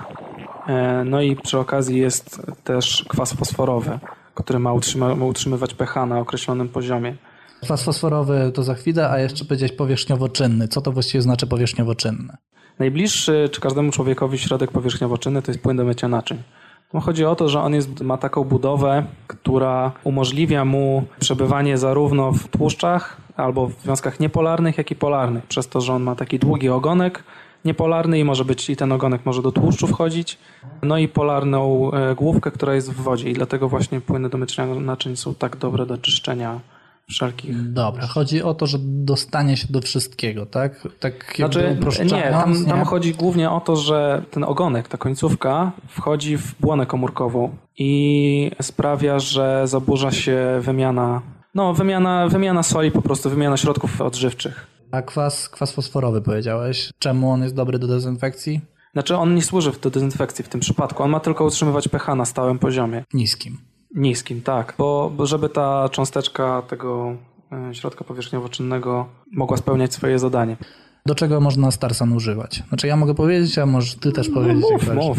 Że ja Starsana używam do wszystkiego, więc, więc wydaje mi się, że, że służy do wszystkiego. To, co może ludzi odstraszać od Starsana, to jest ta piana przy butelkowaniu. Ja używam Starsana do butelkowania, czyli wlewam go też do tej śmiesznej pompki. Najpierw go mocno spieniam jedną butelką, później tam ze trzy razy psiknę do każdej butelki i odstawiam go na suszarkę. Ta piana tam w pierwszej chwili zostaje. Jeżeli się zrobi dość Stężony. stężony, to on wtedy ta piana nie zawsze wycieknie z tych tych i niektórzy mogą mieć opory, żeby to Tak, bo się kojarzy z płynem do mycia naczyń. kojarzy się z płynem do mycia naczyń, nikt nie chce tego płynu do naczyń pić, więc to ludzi odstrasza. Ja tak robię od ponad stuwarek, nikt się nie zatruł, nie czuć tego Starsana, więc ja polecam to, bo mówię, ta piana dezynfekuje i, i te butelki chyba dość dobrze są No, dezynfekowane. zwłaszcza, że przynajmniej w teorii, we- według obiegowej opinii, ten Starsan po kontakcie z piwem zamienia się w środki odżywcze dla drożdży, prawda? Bo tam drożdże sobie fosfor przyswajają z tego kwasu fosforowego. Powiedz mi jeszcze jedną rzecz, bo Starsan można sobie rozrobić w wodzie demineralizowanej. Znaczy przede wszystkim Starsan się kupuje stężony. E, On Tak, przychodzi tak, no ze tak. sklepu stężony i się go rozcieńcza potem do użycia. Półtora mililitra na litr. Tak, półtora do 2,5 na litr i wody i, i później sru do, do fermentora na przykład. Dobra, ale można go też e, używać i ty go chyba w ten sposób używasz, że kupujesz e, wodę demineralizowaną, dodajesz tam odpowiednią ilość tego starsana i przylewasz go do, to się nazywa ten spryskiwacz, to się jakoś No, do nazywa. spryskiwacza. Do po prostu, spryskiwacza. Do psikacza no. takiego. I psikasz go bezpośrednio na, na, Na powierzchnię na którą chcesz tak. dezynfekować. No, Tak. nie? no właśnie, no, to zaraz opowiesz o tym, jak to robisz, a ja, a ja jeszcze ci powiem, że bo też jakby też w ten sposób to robię. E, I jak robię fermentację, to wpsikuję go też do rurki zamiast wody. To Ma ja- to ja znaczenie, robię tak jest, samo. to jest dobre. E, Myślę, że tak. No. To jest ten, e, to samo, co, co było z tym płukaniem, o czym rozmawialiśmy przed chwilą, prawda? Z tym płukaniem fermentorów po oksji. Zawsze jest prawdopodobieństwo, że ci zasie wodę z rurki do fermentora. No, no, przy przenoszeniu, jak ktoś dużo przenosi, to nawet jest więcej niż pewne, że Tak. tam coś się zaście. Tak, no i ja na początku też w ogóle lałem alkohol, y, jakiś tam despray albo coś takiego, ale on za szybko wyparowuje po prostu w stosunku do wody.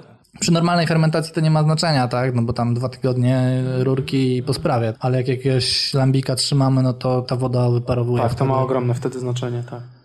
Fajne jest też to w Starsanie, nie wiem, czy ty chciałeś może o tym powiedzieć, Nie, no mów, mów. że wiemy, znamy moment, w którym on przestaje działać. I to jest też kwestia użycia tej wody demineralizowanej, prawda? Że, Mętny się. tak, że on, jeżeli się użyje na przykład twardej wody, albo y, on po prostu po pewnym czasie, nie wiem, coś tam się z nim dzieje, się psuje, to się robi mętny, tak? Bo ten kwas fosforowy przestaje, No dobra, ale e, to, to tutaj się może pojawić wątpliwość, bo ktoś pomyśli, że jeżeli Starsan rozrobiony z wodą jest mętny, to nie działa. To chyba nie do końca tak jest, bo jak zrobisz... Jak... Przez to, że piana, prawda? Tak, bo ja na przykład jak e, rozrabiam Starsan z wodą normalną z kranu, to on od razu jest mętny. On jest mętny, bo ta woda jest jakoś tam średnio twarda z kranu i on jest mętny, natomiast to nie, nie powoduje tego, że on od razu nie działa. On po jakimś czasie, jak użyjesz wody demineralizowanej i zacznie się to zmętniać stojąc, to wtedy on dopiero przestaje działać. Ja widziałem na forach często ludzie właśnie mówią, że kurczę, nalewają tego Starsana i on jest od razu mętny i czy to znaczy, że on nie działa, tak? Działa na początku, chodzi o, o bardziej o trzymanie go w dłuższej perspektywie czasu. Tak, tak. Ja stosuję wodę demineralizowaną, dlatego że jestem po prostu wtedy pewien na 100%, że on działa. Nie muszę się domyślać. Mimo, że widziałem, że ludzie robili testy, że on tak czy inaczej działa.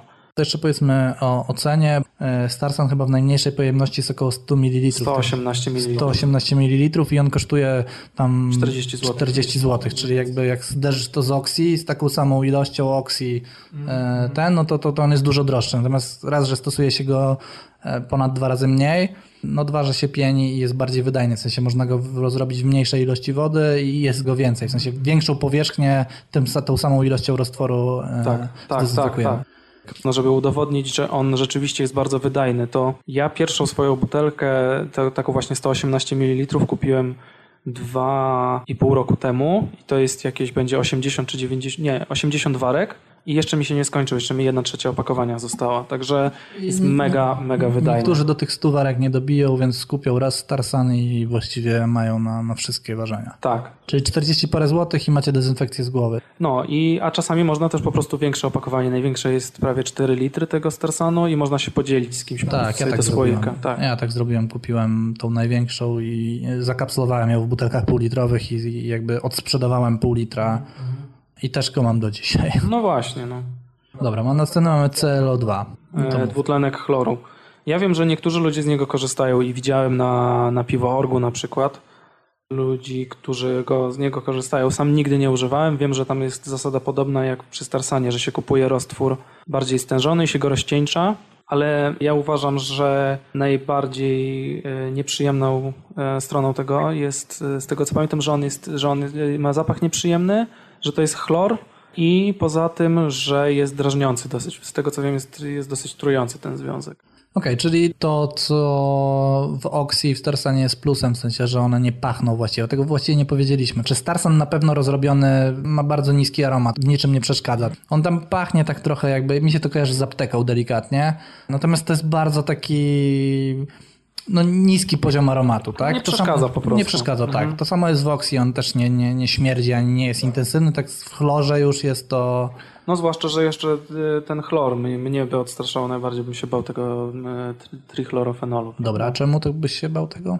No bo ten, te związki zwykle te, te apteczne powstają przecież y, właśnie dlatego, że masz wodę chlorowaną. że Drożdże mają dostęp do... Czy nie polecamy ogólnie rzecz biorąc?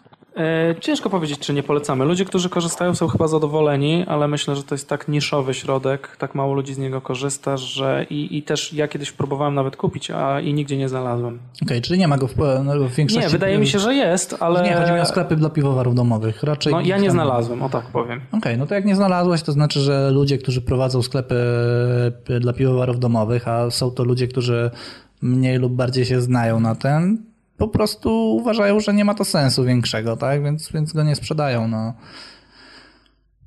Ja nie polecam, bo ja słyszałem wiele, że właśnie o tym, o, o, o tym zapachu. Tak? I, tak, i że do oczy bardzo mocno e, zaczynają... Że wysusza. w sensie, że wysusza, właśnie, nie, nie, bo chciałem powiedzieć, że nie uzawiał i nie brakowało mi słowa. Wysusza, dokładnie, takie się suche, e, suche robią, więc, więc ja też nie, nie korzystałem sam, ale, ale słyszałem wiele gorszych opinii niż o, o dwóch pozostałych wcześniejszych. Dobra, to nie będziemy się chyba o tym chlorze... No tak, no ciężko, żebyśmy coś o nim opowiadali, jak nie mamy doświadczenia, prawda? Następny na, na liście widzę, że mam pirosiarczyn. E, pirosiarczynu korzystałem, więc coś tam będę mógł powiedzieć. Znaczy, mogę powiedzieć tylko tyle, że mi e, z opałkami dawał i to tak ostro. Tak, czyli zapach dwutlenku siarki. Ale, ale pirosiarczyn to wiem, że dużo ludzi e, używa. No tak, no y, pochodzi ten zwyczaj z winiarstwa, bo winiarze lubią tego używać, zwłaszcza, że pirosiarczynu się też chyba z tego co pamiętam używa do stabilizowania wina, w sensie do zabijania drożdży po fermentacji. Dobra, i on jest też w formie sypkiej, z tego co pamiętam. Tak, to jest proszek. Łatwo się się zbryla, uważajcie. Łatwo się zbryla. Czyli rozrabia się go też z wodą, używa się go podobnie jak oxy, tak? Czyli rozpuszcza się go w wodzie ciepłej czy zimnej. Y, To nie ma znaczenia akurat w tym przypadku. Ważne, żeby ona była trochę kwaśna, bo to wtedy przyspiesza tą reakcję rozkładu. A trochę kwaśna to jest. No, można pół jakoś. łyżeczki kwasku cytrynowego na 2 czy tam 3 litry myślę, że spokojnie wystarczy, bo to jest tylko kwestia przyspieszenia reakcji, która tak czy inaczej zachodzi. No to, to jest. Ja, o tym nie słyszałem, więc to ciekawe co mówisz. W sensie, Znaczy, to być może to komuś po pomoże. No, no, no.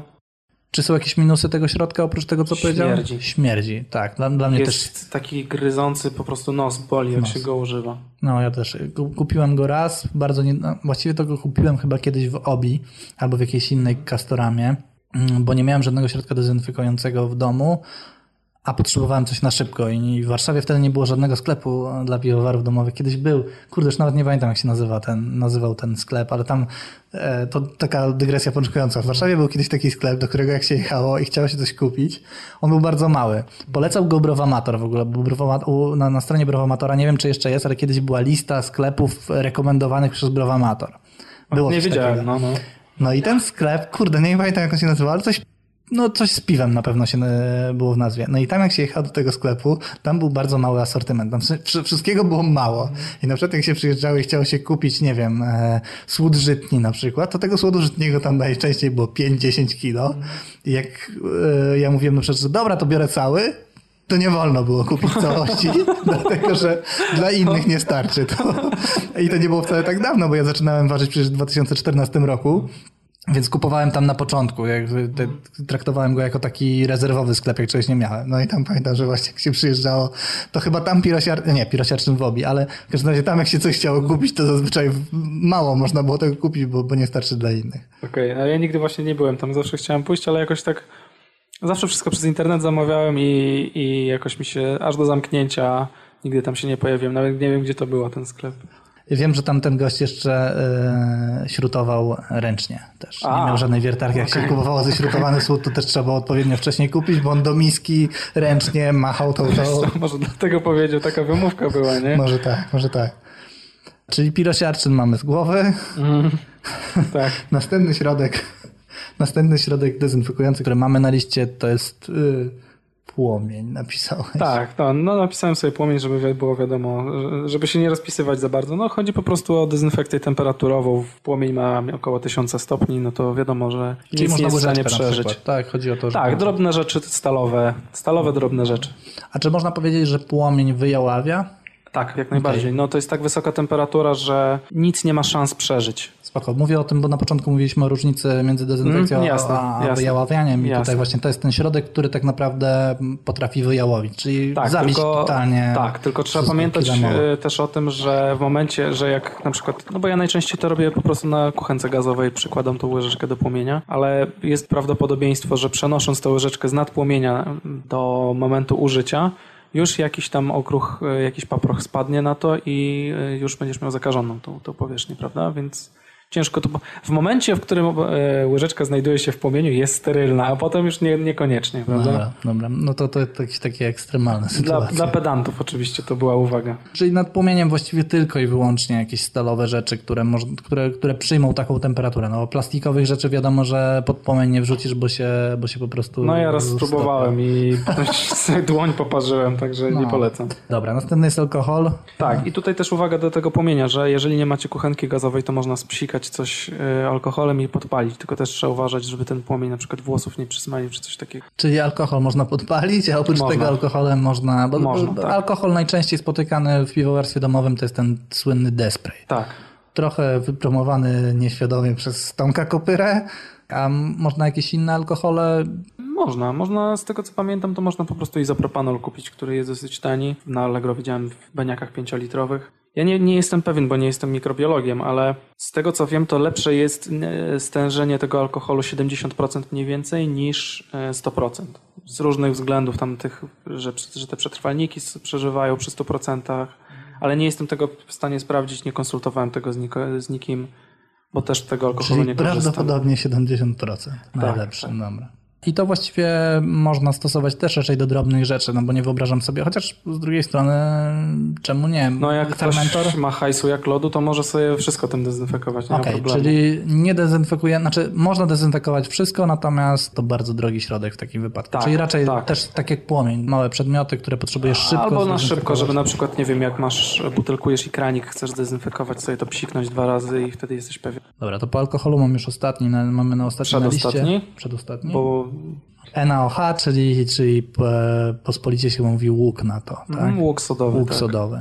To ja mogę powiedzieć od siebie najpierw, że łuk sodowy to jest e, środek, który się stosuje w browarach najczęściej chyba w Polsce. Stosuje się go w dwóch stężeniach, bo często mycie jest dwufazowe. Przy, przy mocniejszych zabrudzeniach stosuje się 5% roztwór NaOH, a przy drobniejszych takich e, rutynowych myciach, bo w browarach się też myje tym środkiem, dlatego że on w długim kontakcie z e, mytą powierzchnią zmywa wszystko, co, co, co, co się na niej znajduje. Więc przy takich rutynowych myciach się stosuje 3% roztwór, a w domu najczęściej wszyscy polecają po zakażeniach.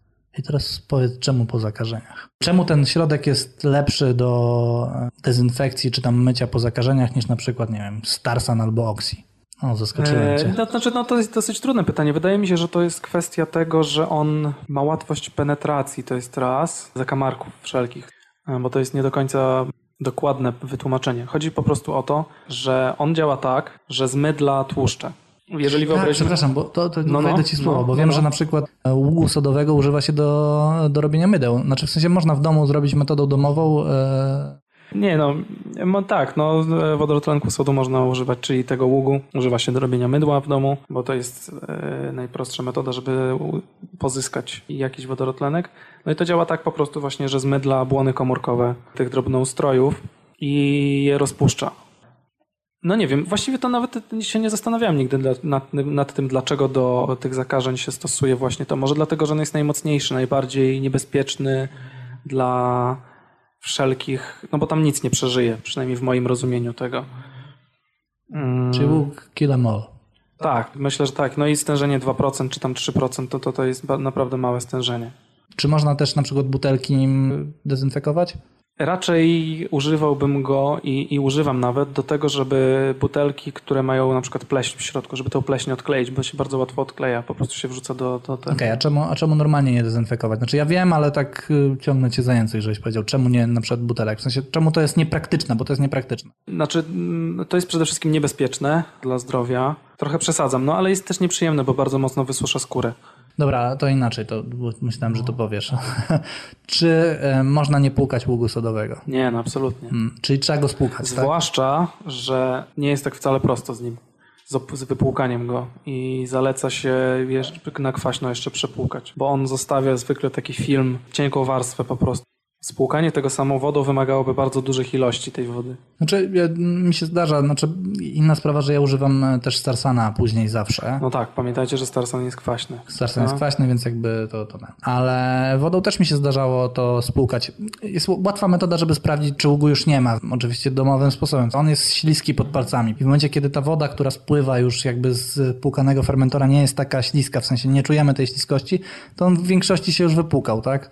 No ty powiesz, że nie, że nie, to nie, nie, jest nie, niebezpieczne. nie, nie, nie, ja się uśmiecham dlatego, że dlatego, że właśnie chciałem anegdotę opowiedzieć, jak to pewien piwowar browaru, pewnego browaru kiedyś mi opowiadał, e, jak, on sprawdza, czy już e, ten, bo on płukał wodą po prostu, ten wodorotlenek z tanku fermenta, fermentacyjnego i pytam, no ale to jak ty wyczuwasz, że skąd wiesz, że już jest wypłukane, nie? On mówi, a próbuję jak, nie, jak już nie jest gorzkie, to, no, to ten, No, to hardkorowo. no to hardkorowo. hardcore. A czy można y, stal No. nierdzewną tym? Można. Można, można, Można. jak najbardziej. Coś czernieje, tak, tak zachodzę w głowę, że coś czernieje od tego. A czy nie jest tak, że miedziane... Być może, tak, no może się, może tam coś albo- się z miedzią dziać. Miedź, miedzi raczej ani kwasem, ani... No dobra, a jak mamy te takie na przykład e, przejściówki czasami są z, z jednego gwintu do drugiego, część jest stalowa, a część jest z jakiegoś innego. Ja nigdy Z mosiądzu. Z mosiądzu. Mosiądz chyba też czernieje. W Bardzo sensie- możliwe. Bo mosiądz to jest stop miedzi i cynku. Tam zarówno cynk może reagować. Bo wiem, że mi coś właśnie kiedyś czerniało, dlatego tak teraz zachodzę Znaczy tam wiem, jeszcze czy- jest, oprócz czernienia, to nigdy, przenigdy nie wrzucajcie uszczelek od kraników. A jak chcecie zobaczyć, co się dzieje, to wrzućcie, wrzućcie i potem pokruszcie sobie ładnie, bo po trzech dniach, jak się ja bierze do ręki, to się kruszy. kruszy. Ja wrzucałem kraniki, ale chyba bez uszczelek. No właśnie. Nie, kranik, to ja też wrzucam kraniki, a uszczelki nie, absolutnie, bo się kruszy. A, no i jeszcze wężyki silikonowe też nie.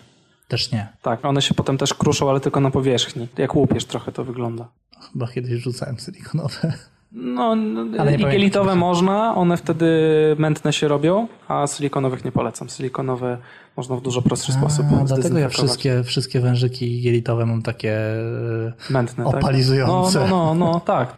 To chyba wszystkie żeśmy mówili. Coś, coś Nie, jeszcze nie, nie, nie. dodać? No i właśnie jeszcze tutaj na początku był e, wrzątek. A, widzisz. Tutaj bardzo ważny apel, że wrzątek nie dezynfekuje. Na zasadzie takiej, że jeżeli zagotujecie wodę i potem spłuczecie tą wodą fermentor, to to nie jest dezynfekcja. Temperatura tej wody w momencie zetknięcia z plastikiem spada drastycznie, tak? Do 90 stopni na przykład. To Tak, tak, kiedyś robiłem. nie- Ten. Kiedyś robiłem takie właśnie, bo, bo coś mi nie pasowało z tym wrzątkiem, że zalewasz wrzątek i 100 stopni, to niemożliwe. I, i robiłem takie testy i właśnie za, wydawałem e, wodę z czajnika, która miała 100 stopni do fermentora i dopiero... Zniżyłeś temperaturę? I dopiero tak? mierzyłem No. temperaturę. 89, A, 88 no, no to, zazwyczaj. to już w ogóle, to tak jakby się z kranu nalali właściwie. Nie, no poczekaj, bo, bo trochę chyba nie, bo mm, ja oczywiście Mhm. z praktycznego punktu widzenia, e, jeżeli temperaturą pasteryzacji jest tam od 60 do 75 się używa do pasteryzacji, to jeżeli nalejemy tego wrzątku z, e, z czajnika, nawet jeżeli to się ochłodzi tam do tych 85, dajmy na to, jeżeli zamkniemy fermentor, to coś tam się chyba wybije, nie? Znaczy, no zwłaszcza, że tu wracamy do punktu numer dwa, który omawialiśmy, że najważniejsze jest umycie sprzętu, a nie... No dobra, no on jest czysty, w sensie czysty tak, w no. takiej formie, że, że jest umyty, tak? Tak, no to tam, tam, tam ta kwestia, to zaka- Znaczy ja nie zakażenie- mówię, że to jest super pewne, ale dajmy na to, nie masz nic w domu innego, tak? Masz tylko wrzątek do dyspozycji i musisz, no po prostu masz już wszystko. to, to, to bierzesz najnowsze wiadro, które masz wtedy. Po prostu. ale i nie naoczy- zalewasz na i- Nie, no nie, nie, zalewasz, no tak, ale ja bym po prostu, bo mm, wydaje mi się, że takie wiadro, które na przykład przyjechało bezpośrednio, też jest na tyle czyste i na tyle ma mało rys i tak dalej, że jest małe prawdopodobieństwo. No to, to zależy, wiesz, jakie to wiadro, bo jak kupujesz to wiadro z kastorami, A to często nie, no tak, jasne, oczywiście. są ten, no ale... tak, tak, No tak. Dobra, czyli wrzątek nie dezynfekuje, a jest jakimś takim ultra rezerwowym środkiem, jeżeli już naprawdę nic nie ma, to Tak. można się pokusić, ale i tak nie mamy wtedy pewności, że tam jest dezynfekowane. Tak, To chyba wszystko, żeśmy omówili, jeżeli chodzi o środki. tak, mamy chyba wszystkie z tego, co pamiętam. Mamy jeszcze punkt, widzę na naszym spisie treści, że mieliśmy jakby powiedzieć, jak my dezynfekujemy w domu, krok po kroku. Trochę żeśmy o tym mówili przy okazji poszczególnych No tak, warto środków, podsumować, ale prawda? tak, tak. No to powiedz najpierw ty, jak, jak ty robisz po kolei, w sensie od początku do końca, jak, jak to, co, czego żeśmy jeszcze nie powiedzieli, że kiedy się na, tak naprawdę zaczyna ta dezynfekcja, w sensie w którym momencie całego procesu, no bo śrutujemy słód, wtedy nie potrzebujemy mieć nic zdezynfekowanego, prawda? Podgrzewamy wodę, nie potrzebujemy garnka dezynfekować przed podgrzewaniem wody do zacierania. Przy filtracji, jeżeli przekładamy zacier do, do kadzi filtracyjnej, czyli do fermentora najczęściej, też nie potrzebujemy mieć go dezynfekowanego. Spuszczamy to do garnka z powrotem, żeby to zagotować, też ten garnek nie musi być zdezynfekowany. Dezynfekcja się za- zaczyna tak na dobrą sprawę po wyłączeniu wrzenia. Wszystko, czego używamy po wyłączeniu palnika, tak niektórzy bez palnika ważą, ale wiadomo o co mi chodzi.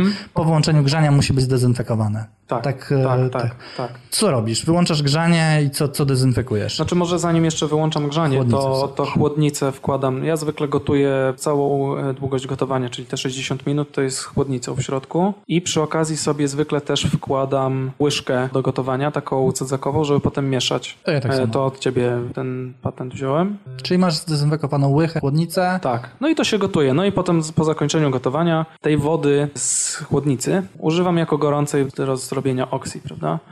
Dobra, czyli ona ma tam pewnie z 75 stopni. No, powiedzmy. Nie, Tak. nie pamiętam, nie, ja nigdy No tego nie mierzyłem. tak- tak no, myślę, no, jest tak gorąca w każdym razie. No i, i, i przy okazji zaoszczędzam trochę na gazie i na wodzie, prawda, że i tak wykorzystuję drugi raz. No ale jeżeli chodzi o ogólnie o to, jak dezynfekuję, to tutaj Janek się zawsze ze mnie śmieje, że, że ja jestem zbyt dokładny, bo ja zawsze dezynfekuję na dwa razy, czyli najpierw stosuję oksy zawsze, a potem po wylaniu oksy z na przykład fermentora jeszcze y, dezynfekuję go starsanem. Zawsze na dwa razy. Dobra, e, ale jakby po, po kolei. W sensie masz dez- dezynfekujesz najpierw oxy fermentor. E, Rozrabiasz ten, e, to oxy w fermentorze, wrzucasz tam coś, rurka fermentacyjna, nie fermentujesz z rurkami. Fermentuję z rurkami już teraz. Czyli- Znaczy, zmienia mi się to. Spoko. Czyli rurkę wrzucasz też do tego oxy? Nie, rurkę wrzucam troszeczkę jak się już schłodzi, bo kilka razy miałem tak, że mi się wykrzywiła po prostu dobra. tak. Do tego do, o, o, Ale dezynfekujesz generalnie rurkę fermentacyjną w tym oxy. Tak, a uszczelkę do wiadra i wąż, który jest, jest silikonowy, gotuję wcześniej przez powiedzmy 5 minut. Uszczelkę do wiadra? To Tak, no, uszczelka uszczelkę, ten, jak masz otwór w tym w wieku, A, to, to na tam wieku, jest taka gumowa uszczelka, do, przez którą wprowadzasz tą rurkę fermentacyjną, nie? To można gotować i ten y, wężyk też można gotować. Czyli masz zdezynfekowany fermentor, masz zdezynfekowaną rurkę, wężyk gotujesz, czyli też masz go zdezynfekowanego, przelewasz, zaciągasz ustami? Tak, Zaciągasz ustami. Tak, ja tak. też zaciągam ustami. Dobra, czyli przelewasz, zamykasz i właściwie proces zważenia masz zamknięty, jeżeli chodzi o dezynfekcję, tak? Y, No tak, no jeszcze potem przy butelkowaniu, bo to... No dobra, Yy, chodziło mi właśnie mhm, jasne. po kolei. Później Ale to myślę, że też jest y, ciekawe właśnie, bo butelki też zawsze dwa razy. W sensie najpierw Oxy, a potem Starsanem. no, przeskoczyłeś do butelek, niech będzie. No, no okej. Aha, bo jeszcze chciałeś coś... No jeszcze cicha jest. No tak, ale cicha to jest To właściwie samo, to samo, ten. tak? Tam też dwa razy. Najpierw Oxy, a potem Starsanem. Zanim do tych butelek, bo po kolei, w sensie dezynfekujesz to najpierw oksy, czyli wytrząsasz to w środku, wylewasz później to oksy i co robisz z tym star- starsanem, bo tego żeśmy nie powiedzieli. Psikuję po prostu z tego psikacza w każdą powierzchnię i zwykle to jest tak duża objętość. No i jeszcze wąż w środku też. Przykładam wylot psikacza do, do, do węża i psikam do środka, tak żeby, żeby zobaczyć moment, w którym wychodzi już z drugiej strony węża. To, to Okej, dobra. Znaczy Czyli- ten Starsan. I, jak jest, I on zwykle go jest wystarczająco dużo, żeby jeszcze wytrząść w wiatrze, tak żeby piana była w całym.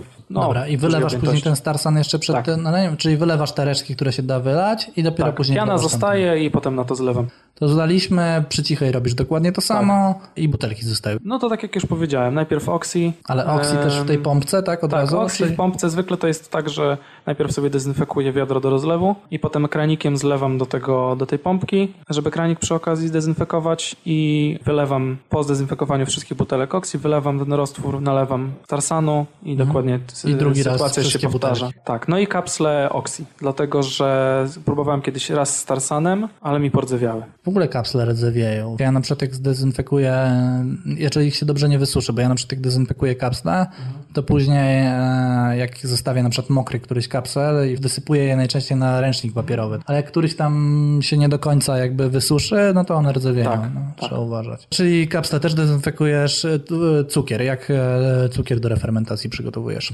Mm, Ważę, wsypuję do garnka, zalewam jakąś tam ilością wody, nigdy tego nie mierzę. Taką, żeby to nie było za dużo i gotuję przez kilka minut po prostu.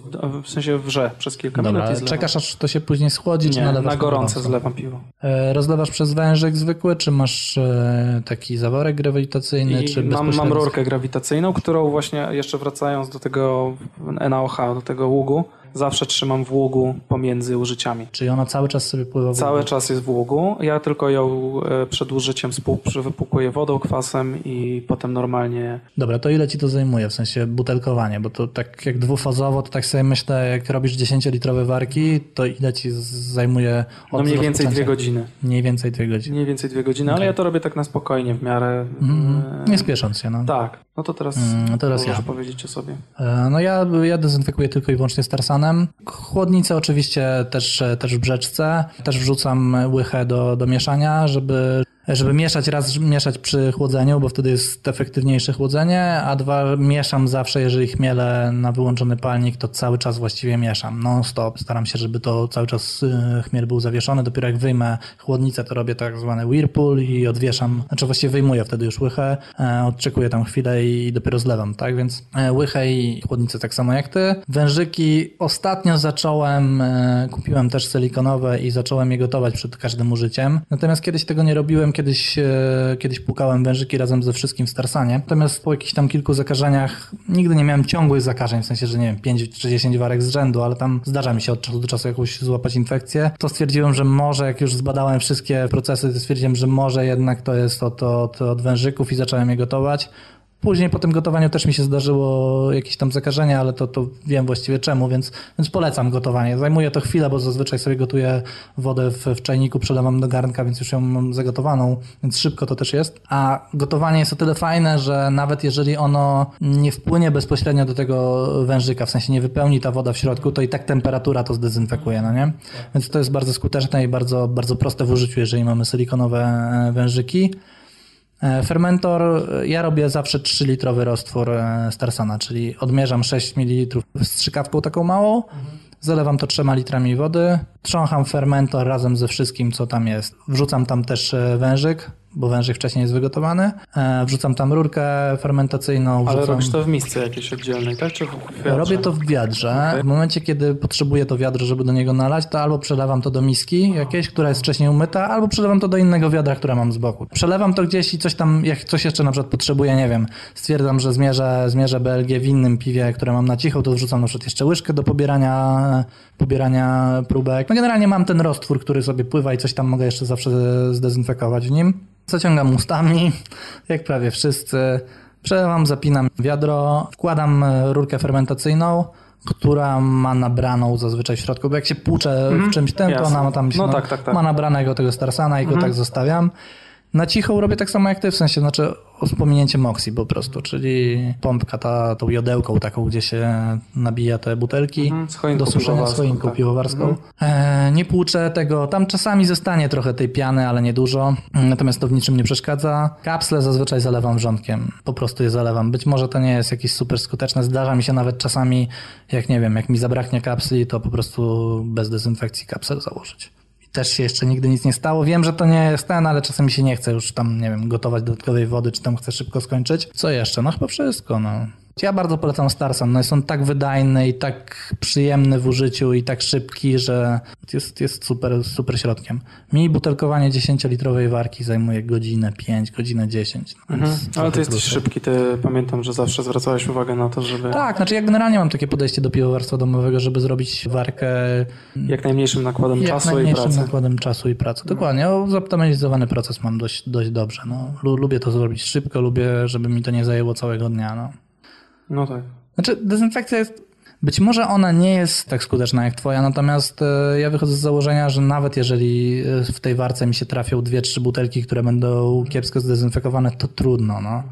E, Robię tego tyle, że, że, że nie przeszkadza mi to, jeżeli, nie wiem, na miesiąc mam, dajmy na to 40-litrowe warki, czyli 40 litrów e, piwa, czyli to jest 80 butelek, jak się trafi nawet 10. e, Nie zdarza mi się tak, żeby jedna butelka z całej warki była zakażona, tylko jedna. Jeżeli coś jest zakażone albo coś spieprzone, to po prostu wszystko. Więc, więc chyba ta dezynfekcja butelek jest dobra, no. No dobra, to może nie wiem, jakieś podsumowanie jeszcze zrobimy na koniec. Według nas obu Oxy i Starsan, znaczy Oxy i Starsan to są dwa najpopularniejsze, najbardziej popularne chyba środki i tutaj bardzo mocno przoduje Starsan, Starsan jednak według naszej opinii, że to No jest tak, no najwygodniejszy i najtańszy właściwie środek, biorąc pod uwagę długotrwałość użycia. Zdecydowanie. No, Oxy jest e, dość popularny też. Mhm. Też Tomek Kopyra na tych swoich filmach, na których no, trzeba, nie, nie, nie ma co ukrywać. Dużo ludzi się wzoruje, tak? Tak, tak. Pierwsze co robi, to ogląda te filmiki i on tam mówi o tym Oxy i on mówi o tym Oxy sensownie, tak? Więc to nie jest, nie jest nic złego. I Oxy jak najbardziej też polecamy. No, da się, tak? Działa. Jak komuś przeszkadza pienienie, a bo nie powiedzieliśmy jeszcze przy Starsanie, że no jest tak, środek, tak. który... Jest środek, który działa tak prawie, no właściwie tak samo, a się nie pieni. On się nazywa Sunny Clean i wiem, że w co najmniej jednym sklepie piwowarskim w Polsce jest ja widziałem w kilku. Ja widziałem w kilku i on kosztuje dokładnie tyle samo, co tak, Starsan. tak, bo to jest ten sam ktoś- producent, więc jak komuś pod- nie pasuje piana, to może sobie Sunny Clean używać i jest Natomiast- tak samo fajnie. Natomiast ta piana jest moim zdaniem akurat plusem, a nie minusem. Natomiast Tak. jeżeli ktoś ma opory, Tak. to jak najbardziej, Tak, no może, tak, może sobie tak. kupić to Ale drugie. ja mogę zagwarantować, że szybko się e, jest człowiek w stanie przyzwyczaić do tego. Czyli podsumowując, zachęcamy do tego, żeby, dezynfekować, żeby dezynfekować swój sprzęt i nie robić tego wrzątkiem raczej. Jest to tanie, łatwe i przyjemne, jeżeli się do tego dobrze podejdzie. Nie, no, nie nazwałbym tego przyjemnie. No, to żegnamy się z wami. Dajcie E, znać, e, czy, czy wam się podobało, czy, czy Tak. było spoko, czy coś tam przeszkadzało, na przykład bulkające piwo nie, tle. nie nagadaliśmy jeszcze, czy, ten, czy się nie przykrzykujemy, czy w ogóle się nagraliśmy. Dezynfekujcie swój sprzęt, ważcie śmiało. E, Do Dwóch zobaczenia. Mężczyzn, dwóch mężczyzn, którzy mówi, mówią o dezynfekcji swojego sprzętu. Brzmi średnio. Dzięki, Dzięki. na razie. Na razie, hej. To wszystko w dzisiejszym odcinku. Dziękujemy Wam bardzo, cieszę się, że wytrwaliście do końca i zapraszamy Was do następnego odcinka za dwa tygodnie. Piszcie do nas na Facebooku, trzymajcie się ciepło, cześć!